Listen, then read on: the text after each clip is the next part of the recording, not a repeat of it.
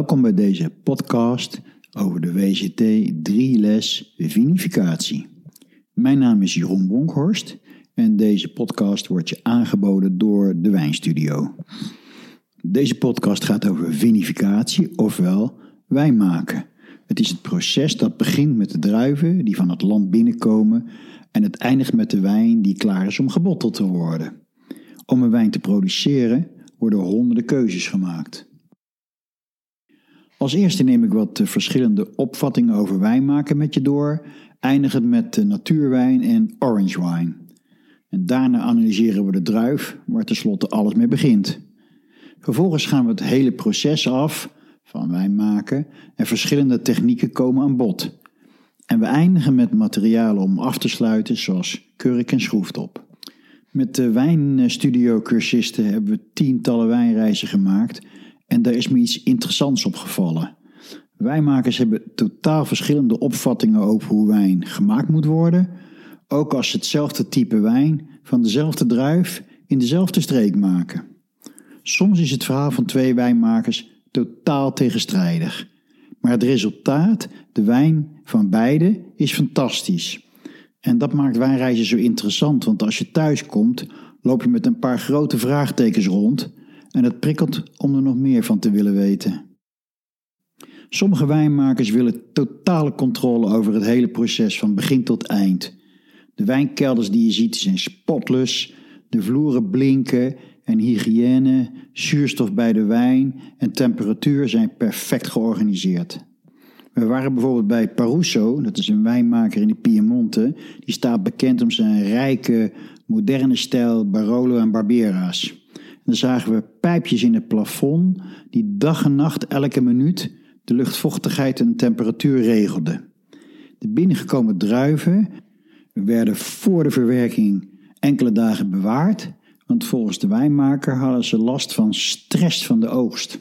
In eerste instantie moet je lachen om zo'n opvatting, maar uiteindelijk blijkt dan vaak dat er toch een kern van waarheid in zit en wordt het een standaardmethode van wijnbedrijven. Bij Corte Santalda in Veneto, waar Amarone gemaakt wordt, zagen we een vreemde, bochtige wijnkelder. En de wijnmaakster legde me uit: in onze tuin staat een 500 jaar oude eik en we hebben eerst laten uitzoeken waar de wortels van die boom lopen. En toen zijn we een kelder daartussen gaan bouwen. Aan temperatuurcontrole deed ze niet. Als het tijdens de vergisting te warm werd, gingen de deuren open en als dat niet genoeg was, werden de wijnvaarten s'avonds naar buiten gereden. Maar de wijnen smaakten fantastisch en dat doen ze trouwens nog steeds. We hebben zelfs wijnkelders gezien die echt niet fris en hygiënisch waren, zoals bij het in het Oostenrijkse Rust. Dat is een producent van met name blauw Fränkische wijn. Het was moeilijk proeven in die kelder, want je moest de geur van schimmel echt proberen te vergeten. Maar ook hier geldt, de wijnen zijn uitzonderlijk goed. En dat zet je aan het denken, blijkbaar kan het ook zo. Zo waren we ook bij eh, Stefan Becker in de Duitse Rijngau. Dat is een oudere, zeer ervaren wijnmaker. En 2003 was een extreem heet wijnjaar, ook in Duitsland. Hij vertelde erover. Jonge wijnmakers gingen bij Stefan Becker te raden, omdat hij als enige wijnmaker de heetste zomer van de vorige eeuw, die van 1947, had meegemaakt. En zijn advies was: niets doen, het komt allemaal goed. En de wijnmakers die kunstgrepen uithaalden als aanzuren, hebben later allemaal spijt gekregen, want hij had gelijk. De wijnen corrigeerden zichzelf. Wie het minste deden, kregen de beste wijnen. En ook heb ik wijnmakers ontmoet die zeggen: ah, wijnmaken is eenvoudig, iedereen kan het, alle kwaliteit komt van het land. Mijn ervaringen zijn niet uniek hoor. Iedereen in de wijnwereld komt tot een aantal dezelfde conclusies. En de eerste is dat je als wijnmaker een duidelijke visie moet hebben. Welke stijl wil je creëren? Waar wil je dat het naartoe gaat? En de tweede waarneming is dat de beste wijnmakers echte vakmensen zijn. Die zijn altijd bezig hun kennis te vergroten. De derde conclusie is dat topwijnmakers voortdurend hun grenzen verleggen en experimenteren. En de laatste conclusie is dat zelfs tegenstrijdige methodes prachtige kwaliteit op kunnen leveren. In de afgelopen jaren is de vraag naar natuurwijnen sterk toegenomen. Dat zijn wijnen waarbij de mens zo weinig mogelijk ingrijpt. Met name het niet gebruiken van sulfiet, dat heeft grote gevolgen, want die wijnen zijn totaal onbeschermd tegen invloeden van zuurstof, bacteriën, gisten en schimmels. En het gevolg daarvan is dat de wijnen veel fouten hebben, waarvan de belangrijkste Brettanomyces is, ook wel Bret genoemd. En dat is een gist die aan de wijn smaken geeft van muizennest, paardenzweet en spek, kortom eh, dierlijke aroma's. Desondanks is er een grote groep liefhebbers voor dit wijntype. Je ziet ook steeds meer orange wijnen verschijnen. Dat zijn witte wijnen die met schil vergist zijn en daardoor een oranje tint krijgen. Soms zijn ze wat troebel en je proeft tannine. In Georgië, dat is waarschijnlijk het oudste wijnland ter wereld, maken ze al 6000 jaar zulke wijnen in zogeheten kwevri. Dat zijn uh, manshoge amfora's die in de grond ingegraven worden. Orangewijnen zijn stevig smakende wijnen die het vooral goed doen in combinatie met eten. Tot zover algemene informatie en eh, beschouwingen over vinificatie. We gaan het proces stap voor stap af, te beginnen bij de samenstelling van de druif.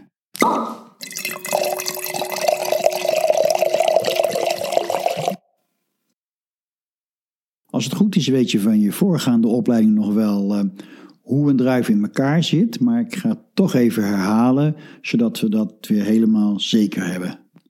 Om te beginnen, de tannine in de druif. Uh, als je naar een druif kijkt, dan zie je een steeltje, je ziet een schil en er zitten pitten in. In alle drie die delen zit tannine, maar die heeft een andere kwaliteit. Dus de tannine in de schil is eigenlijk een hele zachte, hele vriendelijke tannine. De tannine in uh, de steeltjes is altijd wat uh, pittiger. En de ene wijnmaker die wil ze wel gebruiken, die tannine, en de andere wil helemaal geen uh, tannine in zijn wijn krijgen. Dus die zal dan gaan ontstelen. Nou, ik weet niet of je wel eens dat ontstelen gezien hebt. Het is net een soort wastrommel. En dan hebben we nog de pitjes. In de pitjes zitten bittere oliën en ook veel tannine. En die tannine wil je eigenlijk per definitie nooit in de wijn hebben, want die is bitter. Die schil die geeft dus eh, tannine af en ook kleur, maar het hangt natuurlijk wel vanaf welke kleur de druif heeft. Dus een uh, blauwe druif kun je rode wijn maken, maar van een witte druif kan je geen rode wijn maken. Je zou natuurlijk wel een witte wijn van blauwe druiven kunnen maken. Dat noem je dan een blanc de noir. Als je zorgt dat die schillen niet in contact komen met het sap. Want hoe krijg je kleur in het sap? Hoe krijg je kleur in de wijn? Nou, dat noemen ze de maceration, de inweging. Op het moment dat de schil breekt, dan begint die, die kleuren los te laten en die komen dan in het sap terecht. Hoe langer dat duurt, hoe meer kleur in dat sap komt. Rode wijn wordt natuurlijk pas na de vergisting geperst. Hè, dus het, het, scheiden van de vaste delen en het sap. En dat betekent dat al die tijd, tijdens die vergisting, is ook die maceration bezig. Die inweking van die kleur en van de tannine uit de schil. En dan hebben we het vruchtvlees. Dat bevat suikers en zuren en water. En nou is een beetje de vraag, waar zit nou eigenlijk de meeste smaak? En het grappige is, Vroeger zeiden moeders tegen hun kinderen: uh, je moet die appel dun schillen, want de vitamine C zit onder de schil. Waarschijnlijk was het ook een manier om te zorgen dat je niks verspilt. Maar het leuke is, het is nog waar ook en het geldt ook voor smaak. De meeste smaak van een druif zit net onder de schil. In feite is het zelfs een klein laagje dat je geen schil en ook geen vruchtvlees kunt noemen. Het is gewoon een eigen laagje wat er precies tussen zit. En daar zit de meeste smaak. Wat wel leuk is om te weten voor level 3 mensen, denk ik, is dat er altijd van uitgegaan is dat heel veel uh, gist uh, zich op de druiven bevindt, buiten op het land. En dat je die meeneemt de kelder in. Maar uit recenter onderzoek blijkt eigenlijk dat gisten niet zozeer op de druiven op het land leven, maar vooral heel erg in de kelder zelf. Over de zuren wil ik dan nog opmerken die bestaan voornamelijk uit wijnsteenzuur en het tweede belangrijke zuur is het hele harde appelzuur. De druiven zijn geoogst en eh, de oogst komt binnen in de winery. En in veel bedrijven, als je met de hand oogst in ieder geval, als de druiven nog heel zijn, komen ze terecht op de table de Tri, ik heb het er al een keertje over gehad, daar waar de druiven uitgezocht worden. Daar begint eigenlijk het proces van de wijnmakerij. Als we het hebben over witte wijn, dan worden de druiven gekneusd en uh, direct geperst, want dat is het idee van witte wijn. Je moet persen zonder dat de schil invloed heeft op het sap. En bij rode wijn is dat natuurlijk precies andersom. Je gaat ook eerst kneuzen, dan ga je vergisten en pas daarna ga je persen, want je wilt eerst al die kleur en tannine en smaak uit die schillen halen. Soms vindt er tussen het kneuzen en het persen nog een uh, koude inweking plaats. Dat wil zeggen, druiven zijn dus gekneusd, dus er is contact tussen schil en sap. En dat kun je even op een koude temperatuur, uh, zonder dat er verder iets gebeurt, kun je dat rustig laten inweken. En uh, sommige wijnmakers zijn zo bezorgd over zuurstof dat ze op dit moment al beginnen zwaveldioxide toe te voegen, sulfiet, SO2, om ja, oxidatie tegen te gaan. Zodra die druiven binnenkomen, maakt de wijnmaker een analyse van de kwaliteit. Meestal hebben wijnmakerijen eigenlijk allemaal wel een klein laboratoriumpje, maar er zijn er ook die het continu naar een laboratorium toesturen. Als nou blijkt dat het potentiële suikergehalte zo laag is dat de wijnboer vindt dat er onvoldoende alcohol gaat ontstaan, dan gaat hij verrijken of chaptaliseren. Hij voegt dan rectified concentrated grape must toe. Of gewoon suiker. Het kan ook juist zijn, in een warm gebied, dat hij vindt dat de zuren te veel afgenomen zijn tijdens de rijping. En dan zal die zuur toevoegen, meestal wijnsteenzuur.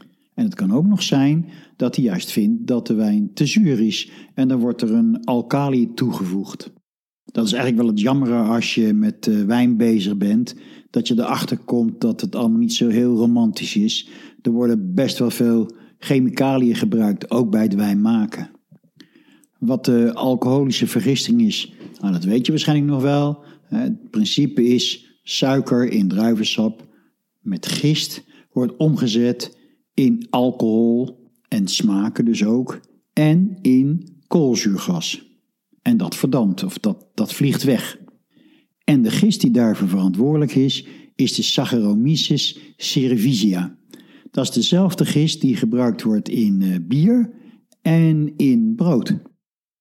Overigens, dat uh, realiseren een hoop mensen zich niet, maar vergisting is een anaeroop proces. Dat wil zeggen, er komt uh, geen zuurstof aan te pas. Gist heeft geen zuurstof nodig om alcohol te creëren. Waar heeft gist dan wel zuurstof voor nodig om zichzelf te vermenigvuldigen? Je kunt de wijn gewoon zijn natuurlijke werk laten doen met de gisten die er zijn in de kelder. En dat heet dan met een mooi Duits woord natuurheven in plaats van reinheven. Dat is een gecultiveerde gist. Het bezwaar van die gecultiveerde gist is dat de smaak wat uniformer kan worden en dat het resultaat wat meer voorspelbaar is. Maar een heleboel wijnmakers vinden dat juist geen bezwaar, maar heel prettig.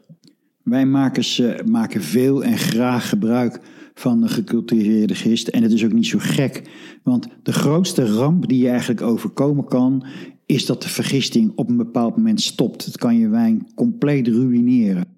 Je moet het zo voorstellen, die Saccharomyces is een hele uh, krachtige gist, heel dominant, die drukt alle anderen weg. Maar die anderen zijn er allemaal wel. Er zijn honderden bacteriën en gisten en van alles, wat eigenlijk ook heel graag met die wijn aan de slag wil.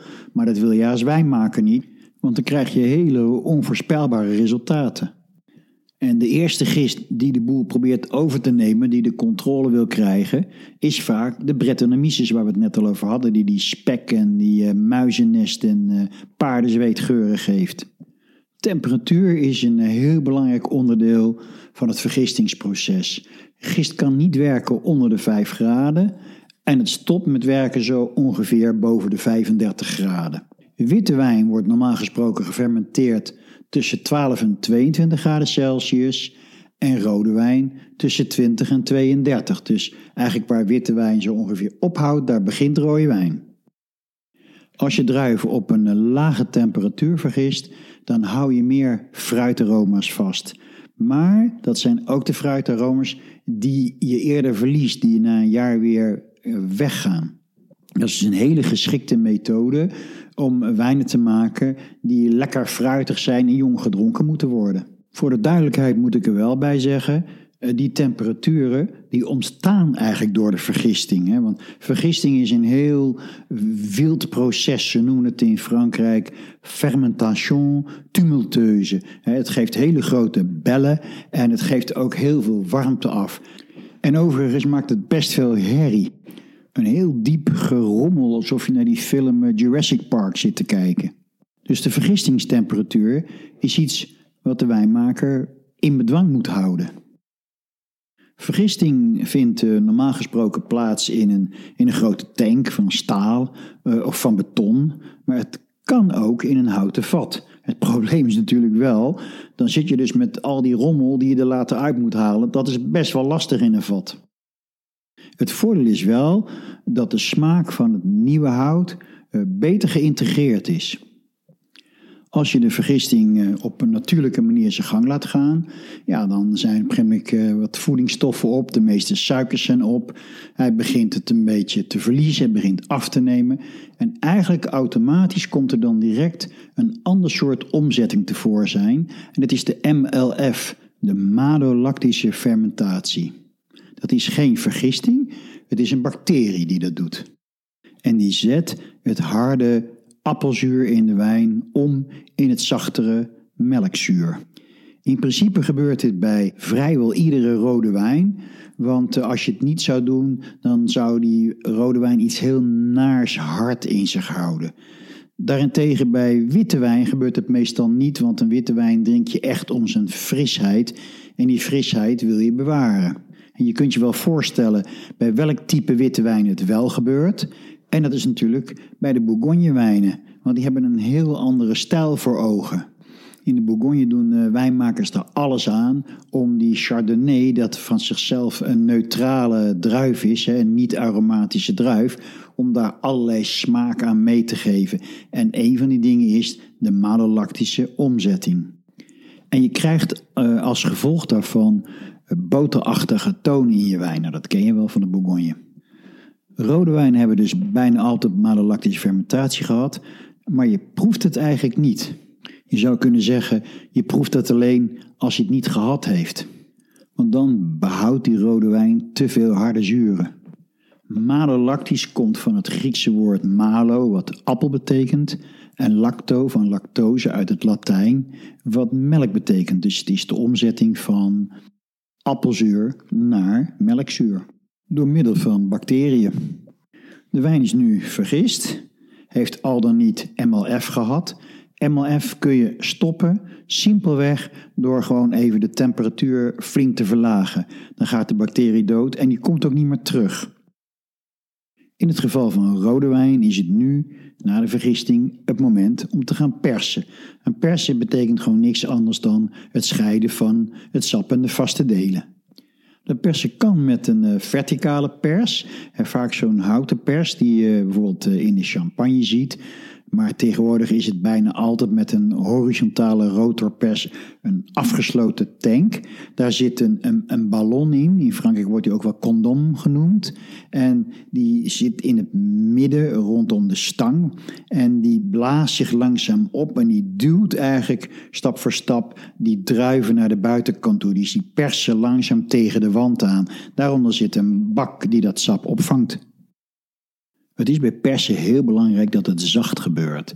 Als je die pulp hard gaat persen, ja, dan pers je misschien ook wel die pitjes kapot en dan komt al die bittere olie vrij. En dat komt nooit meer goed. Kun je niet meer uit de wijn krijgen. Een wijnmaker heeft een keer tegen mij gezegd: Je kunt gewoon in die pers gaan liggen. Het is zo zacht, er zal je niks gebeuren. Ik heb het niet uitgeprobeerd, maar ik vond het wel een leuke gedachte. De pers is nu achter de rug. En waarschijnlijk wordt de wijn meteen gezwaveld, hè, dus uh, sulfiet wordt eraan toegevoegd om hem te beschermen. Overigens bindt die sulfiet zich aan die wijn en uh, verliest hij eigenlijk zijn werking. Het moet altijd een vrije sulfiet zijn die zijn werk kan doen. Dus sulfiet wordt regelmatig aangevuld door een wijnmaker. En dan is er nog één techniek die ik ook wil noemen, en dat is de batonnage. Baton is het Franse woord voor stok en batonnage betekent de wijn met een stok doorroeren. Dat wordt veel in de Bourgogne gedaan bij Chardonnay. Het is alweer een techniek om die vrij neutrale Chardonnay eh, meer smaak te geven. De gist heeft zijn werk gedaan, die sterft af en die zakt naar de bodem. Maar daar gaat die verbindingen aan met de uh, zuren en de alcohol in de wijn. En dat vormt esters, smaakstoffen. En dat zorgt ervoor dat de wijn een romiger mondgevoel krijgt, dat die voller en ronder gaat worden. De wijn gaat nu opgeslagen worden en dat is eigenlijk altijd het moment waarop de uh, wijnmaker weer adem gaat halen, dat hij blij is. Ik weet van wijnmakers dat ze zeggen, als die maar één keer uh, ergens in een vat zit, ja, dan maak ik me niet meer zo druk. Maar tot die tijd, tijdens die vergisting, ja, dan zit hij er bovenop. Nu zijn we dan op het moment van uh, rijping aangekomen. En dat is natuurlijk per wijn heel verschillend. Sommige wijnen worden bijna helemaal niet gerijpt en sommige wijnen ontzettend lang. Over het algemeen kun je zeggen, als wijnen lang gerijpt worden, dan zijn ze ook bedoeld om langer te bewaren. Rijping kan uh, neutraal plaatsvinden, dus in uh, roestvrij staal of in beton. Hè, dan heb je eigenlijk geen inwerking van zuurstof of inwerking van hout. Maar het kan ook op andere manieren. Je kunt wijn bijvoorbeeld ook laten rijpen in hele grote houten vaten. Nou, die houten vaten die uh, geven al lang geen smaak meer af. Want na twee, drie jaar is de smaak van een wijnvat er helemaal uit, van een nieuw vat. Dus waar gebruik je dan het houten vat voor? Nou ja, domweg eigenlijk omdat het altijd een traditionele manier van opslaan was. Maar ook geeft zo'n houten vat, wat ze noemen micro-oxidatie. Dus dat is eigenlijk een hele subtiele, constante toevoeging van zuurstof. En dat helpt natuurlijk bij het proces van langzaam verouderen van de wijn en het langzaam omzetten van allerlei zaken, zoals bijvoorbeeld het verzachten van de tannine. En dan heb je nog de rijping op nieuwe houten vaten. Dan ben je echt bezig om de smaak van hout toe te voegen. Wat zijn de smaken van hout? Kokos, chocola en een hele bekende vanille. Dus alles bij elkaar heb je eigenlijk uh, drie manieren van rijpen. De neutrale rijping, de oxidatieve rijping en de rijping waarbij een houtsmaak toegevoegd wordt aan de wijn. Nou is opslag in een houten vat best een kostbaar ding, want houten vaten kosten tegenwoordig tussen de 700 en 1000 euro. En ja, je kunt ze eigenlijk maar twee, maximaal drie jaar gebruiken, dan is het effect echt weg. En omgerekend betekent dat dat je vaak wel aan een euro kosten zit, alleen maar voor het feit dat die wijn in een houten vat gelegen heeft. Dat is behoorlijk wat. En daar zoeken uh, grote bedrijven die een wijn met een houtsmaak op de markt willen brengen, maar niet zoveel geld willen betalen, een andere oplossing voor. En uiteraard is die ook gevonden. Je kunt dus gewoon uh, houtsnippers nemen of je kunt houten staven nemen. Die hang je in die wijn en dan haal je na een tijdje er weer uit. Dan kun je zelfs nog weer opnieuw gebruiken in een andere wijn. En dan hebben we het over wijn die in een stalen vat zit van 100.000, misschien wel 200.000 liter. En in een korte tijd kun je zo op een hele goedkope manier een houtsmaak geven aan die wijn. En dat wordt natuurlijk heel veel bij Chardonnay gedaan. En zoveel zelfs dat je in Amerika in een restaurant tegen een uh, sommelier kan zeggen ABC. En dan begrijpt hij wat je bedoelt. Anything but Chardonnay. Want mensen zijn helemaal klaar met die overdreven houtsmaak. Want dat is wat er gebeurt. Het hout is niet mooi geïntegreerd. Het hout is gewoon hard aanwezig. In feite zie je dat in de nieuwe wereld uh, heel lang geprobeerd is uh, een Bourgogne-stijl te imiteren met Chardonnay. Dus wat deden ze? Malolactische fermentatie, houtsnippers. Alles om te proberen een soort Bourgogne te creëren. Je zou wel kunnen stellen dat Bordeaux en Bourgogne de meest geïmiteerde wijnstijlen van de wereld zijn. Er is nog een techniek die in de Bourgogne veel toegepast wordt bij eh, Chardonnay om hem meer smaak te geven. En het is de batonnage. Baton is het Franse woord voor stok. En het betekent eigenlijk dat je met een stok door de wijn heen roert. Je bent eigenlijk bezig om die, die gist, die dode gist, die nog steeds een inwerking heeft op die wijn, om die op te rakelen en om die heel veel in contact te brengen met die wijn. En daardoor krijg je tonen van brooddeeg, of zoals ze in Frankrijk zeggen, brioche. En dat vind je ook eh, in een champagnefles. Daar is natuurlijk ook een constant intensief contact geweest met de dode gist. We hebben nu een uh, basiswijn gecreëerd en het kan zijn dat dit gewoon de wijn is die we verder uh, afmaken in een fles stoppen. Maar het kan ook heel goed zijn dat we deze basiswijn gaan, gaan blenden, gaan mengen met andere basiswijnen. En feitelijk is dat wat het meeste gebeurt. Een wijnmaker wil een bepaalde stijl creëren, dus hij gaat zeggen: ik neem een beetje van die wijn van deze wijngaard en wat van die wijngaard. Of het kan zijn, zoals in de champagne, dat hij zegt: Ik neem van verschillende jaren, van verschillende wijngaarden en zelfs van verschillende druiven. Dus blenden is iets heel groots. Maar het doel van blenden is natuurlijk altijd een bepaalde stijl creëren. Wat je ook vaak ziet op flessen is op het backlabel, hè, als je meer informatie wilt vinden, dat er staat: deze wijn heeft zes maanden op nieuw Frans eikenhout gelegen en nog uh, twee jaar op oud hout of nog drie maanden op Amerikaans hout. Dat heeft natuurlijk allemaal invloed op de stijl, ofwel de smaak van de wijn. Dat blenden of mengen kan in elk stadium van het uh, vinificatieproces gebeuren, maar het wordt meestal gedaan na de vergisting of gedurende de rijping. We hebben nu een eh, wijn met een bepaalde stijl gecreëerd, maar die wijn is nog niet helder en de consument vindt dat verschrikkelijk belangrijk. En er zijn drie technieken om die wijn helder te krijgen. Het eerste is bezinking, het tweede is klaring en het derde is filtratie. Bezinking wil zeggen, je laat het gewoon een tijdje staan en al die troebele deeltjes, de eiwitten en allerlei substanties zakken langzaam naar beneden. Dat werkt heel goed voor de grove deeltjes in de wijn.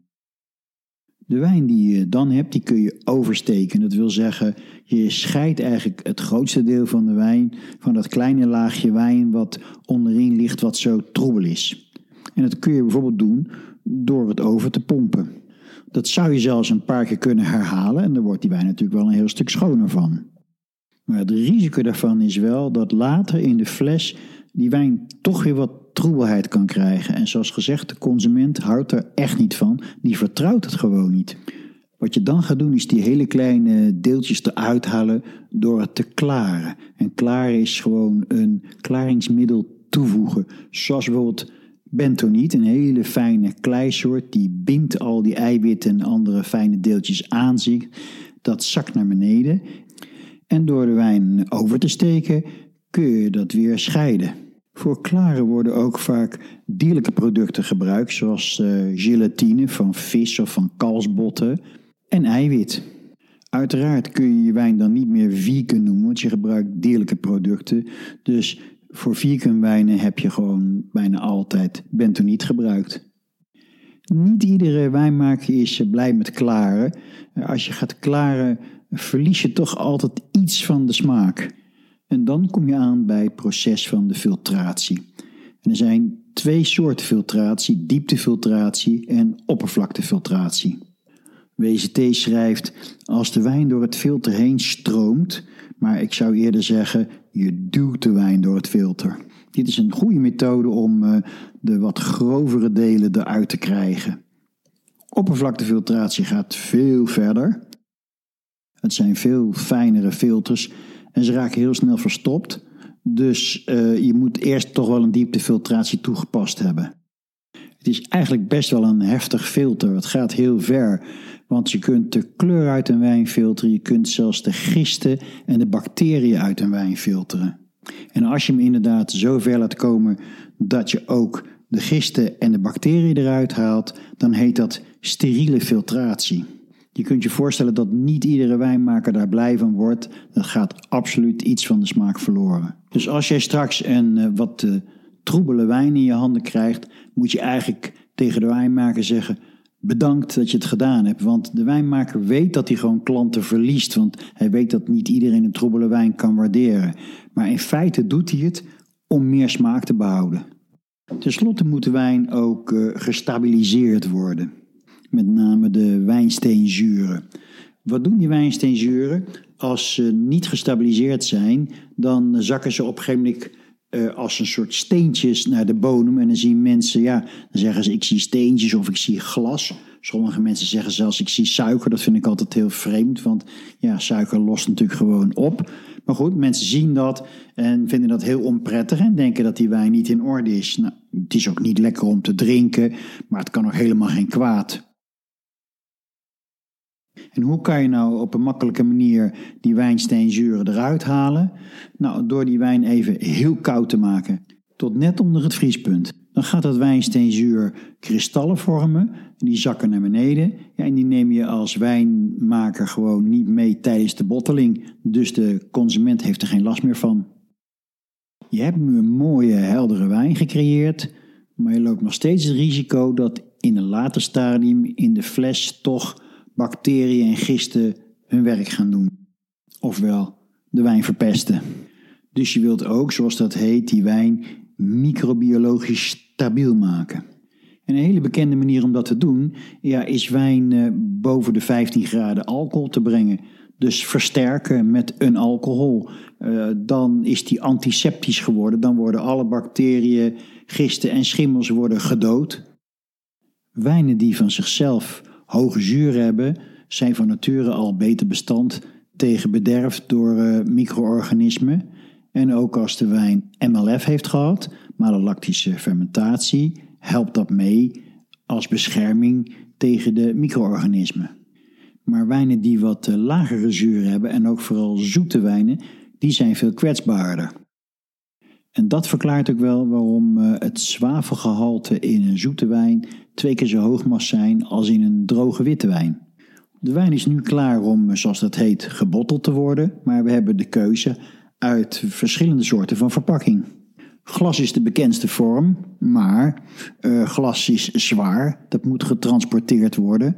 Dat kost heel veel energie, dus het is niet altijd de handigste vorm.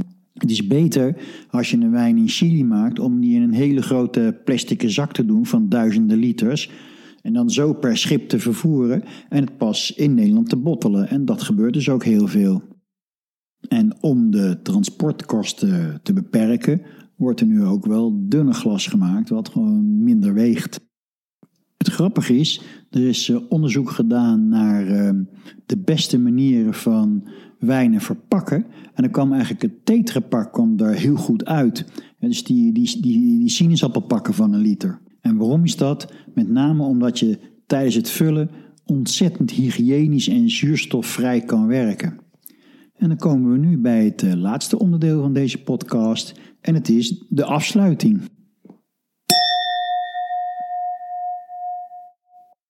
Voor de afsluiting kun je heel veel keuzes maken.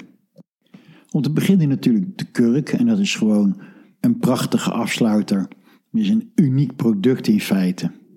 Een kurk is tot 30% indrukbaar. Dus als je hem in een fles perst, dan zet hij zich uit en hij zet dat gewoon heel goed vast. Dus het werkt prima als afsluiter. Kurk wordt gesneden uit de bast van een eh, kurkeik. En die groeien heel veel in eh, de Alentejo, in het zuidoosten van Portugal. Portugal neemt 50% van de totale kurkproductie van de wereld voor zijn rekening. Spanje 30%. En dan is er nog wat in uh, Zuid-Frankrijk, in de Provence, in Italië en ook in uh, bijvoorbeeld Marokko. Als je kurk wil oogsten, moet je heel veel geduld hebben. Je plant een boom, dan wacht je 25 jaar. Dan kun je voor de eerste keer kurk eruit halen. Maar die is zo inferieur van kwaliteit. Die kun je alleen maar verkruimelen en weer samen lijmen. Dan wacht je 9 jaar, dan kun je de tweede keer oogsten. Ook dan krijg je weer alleen maar kurk die goed is om te verkruimelen. Dan wacht je weer 9 jaar en dan, na 43 jaar, heb je voor het eerst een bast waaruit je een fatsoenlijke kurk kan snijden. Het doel van die bast van die kurkijk is om hem te beschermen tegen brand.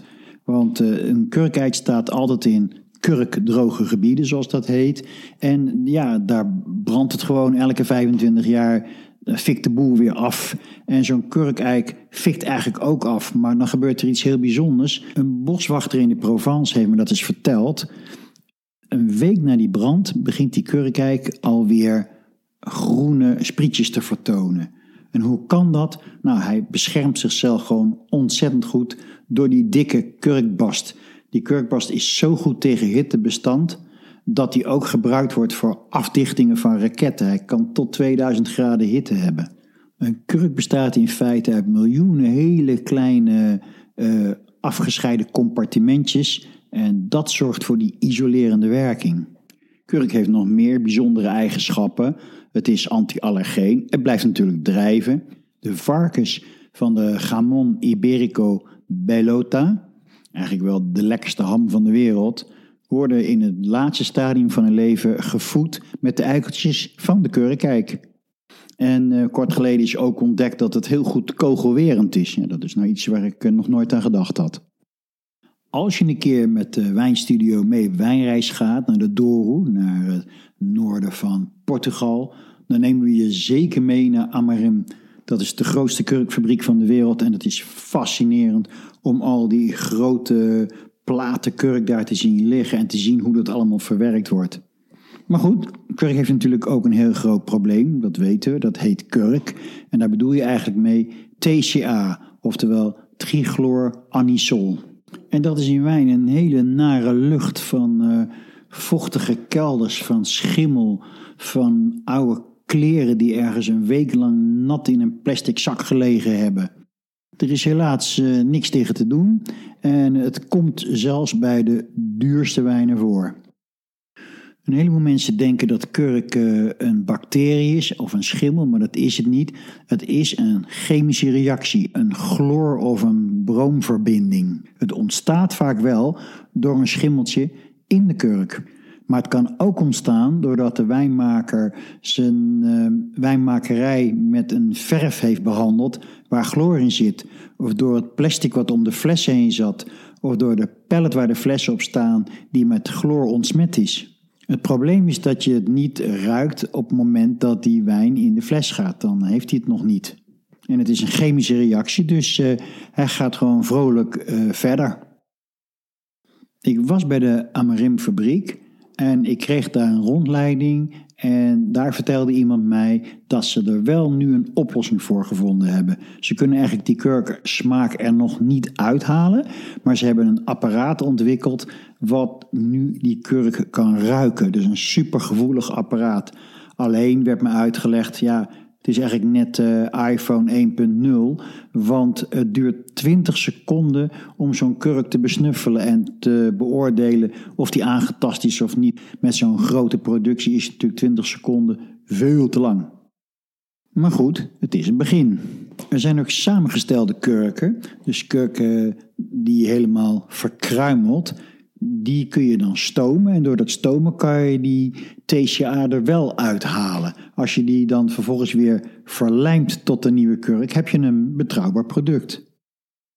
Wat je vaak bij champagnekurken ziet, is zo'n verlijmde kurk. Maar dan zitten er onderaan twee schijfjes pure kurk. Want een champagnemaker wil eigenlijk niet dat zijn wijn in contact komt met die lijm. En die twee schijfjes houden dat tegen. Dan heb je nog andere soorten van afsluiting, zoals de diamkurk, die eigenlijk maar voor 5% uit kurk bestaat. En voor de rest uit allemaal kunststoffen wat bij elkaar gelijmd is.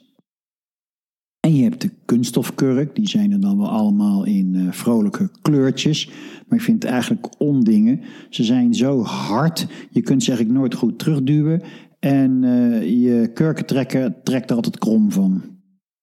Los daarvan weet ik niet of ze veel toekomst hebben, want uh, ze geven na een jaar smaak af aan de wijn.